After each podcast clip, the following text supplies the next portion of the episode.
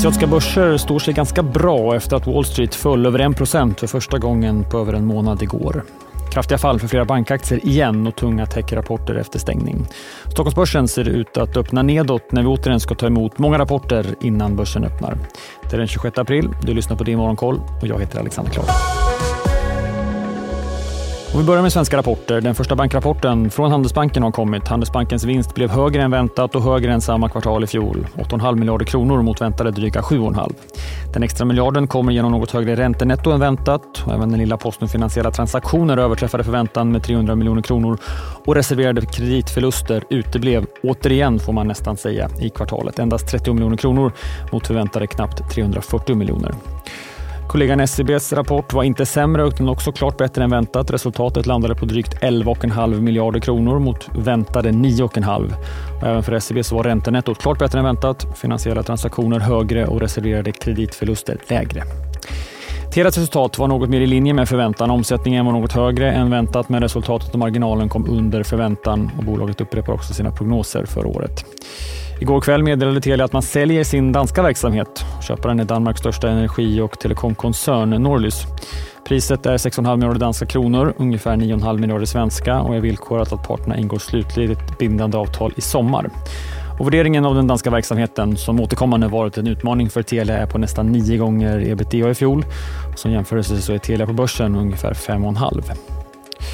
Även Axfood har kommit med rapport, även den i linje med förväntan. Ett resultat på nästan 700 miljoner kronor och en marginal på 3,6 procent. Och skogsbolaget Billerud som har problem med svampinfektion i USA men också sektorkollegor som redan flaggat för betydligt sämre miljö just nu kom med siffror som var svagare än väntat. Resultatet blev lägre än i fjol och lägre än analytikernas förväntan och man gav också svaga utsikter framåt. Vi lämnar rapporterna för nu och rör oss till Asien där Hongkongbörsen stiger. Fordonstillverkaren Geely är en av de som lyfter. Tokyobörsen istället ner nästan 1% efter att Wall Street föll kraftigt igår. Nasdaq tappade nästan 2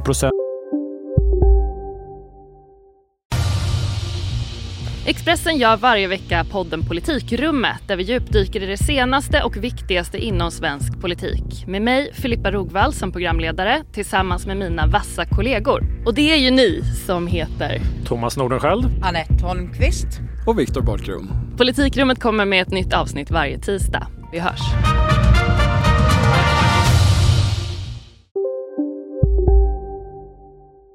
och S&P 500 drygt 1,5 procent. Mycket fokus låg på techjättarna Microsoft och Google som båda släppte rapporter efter stängning. Microsoft slog förväntan nästan rakt över. Vinsten växte mer än väntat, liksom omsättningen och molntjänsten växte med över 20 procent. Noterbart var att söktjänsten växte med 13 procent. Ett tecken på att Microsoft försprång inom AI och satsning på söktjänsten Bing givit effekt. PC var som väntat svagt, men inte lika svagt som vi såg under det fjärde kvartalet och aktien steg nästan 9 procent i efterhanden. Googles vinst minskade i kvartalet, men inte lika mycket som väntat. Omsättningen ökade med några procent och Googles molntjänst lyftes fram som oväntat stark. Annonsintäkterna backade bara marginellt i kvartalet. Bolaget meddelade också ytterligare återköp av egna aktier och aktien steg knappt 2 Även betalkortsbolaget Visa och matkedjan Chipotle steg i efterhanden efter rapporter som visar att konsumenten fortsatt är ute och spenderar.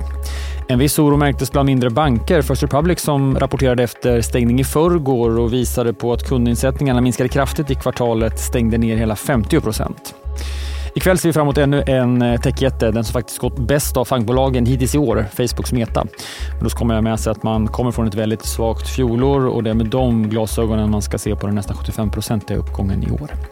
På räntemarknaden föll de amerikanska räntorna tillbaks. Tvååringen är nu under 4% igen och står i 3,92 medan tioåringen står i 3,40.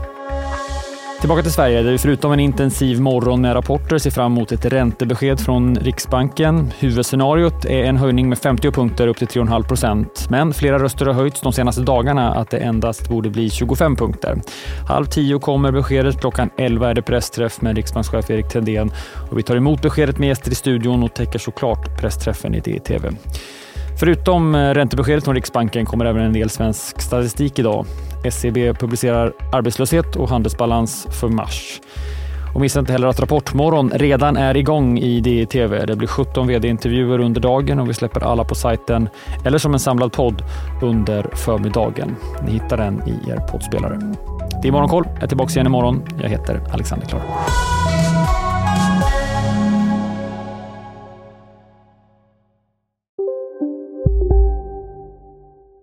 Har du också valt att bli egen? Då är det viktigt att skaffa en bra företagsförsäkring. Hos oss är alla småföretag stora och inga frågor för små. Swedeas företagsförsäkring är anpassad för mindre företag och täcker även sånt som din hemförsäkring inte täcker. Gå in på swedea.se företag och jämför själv.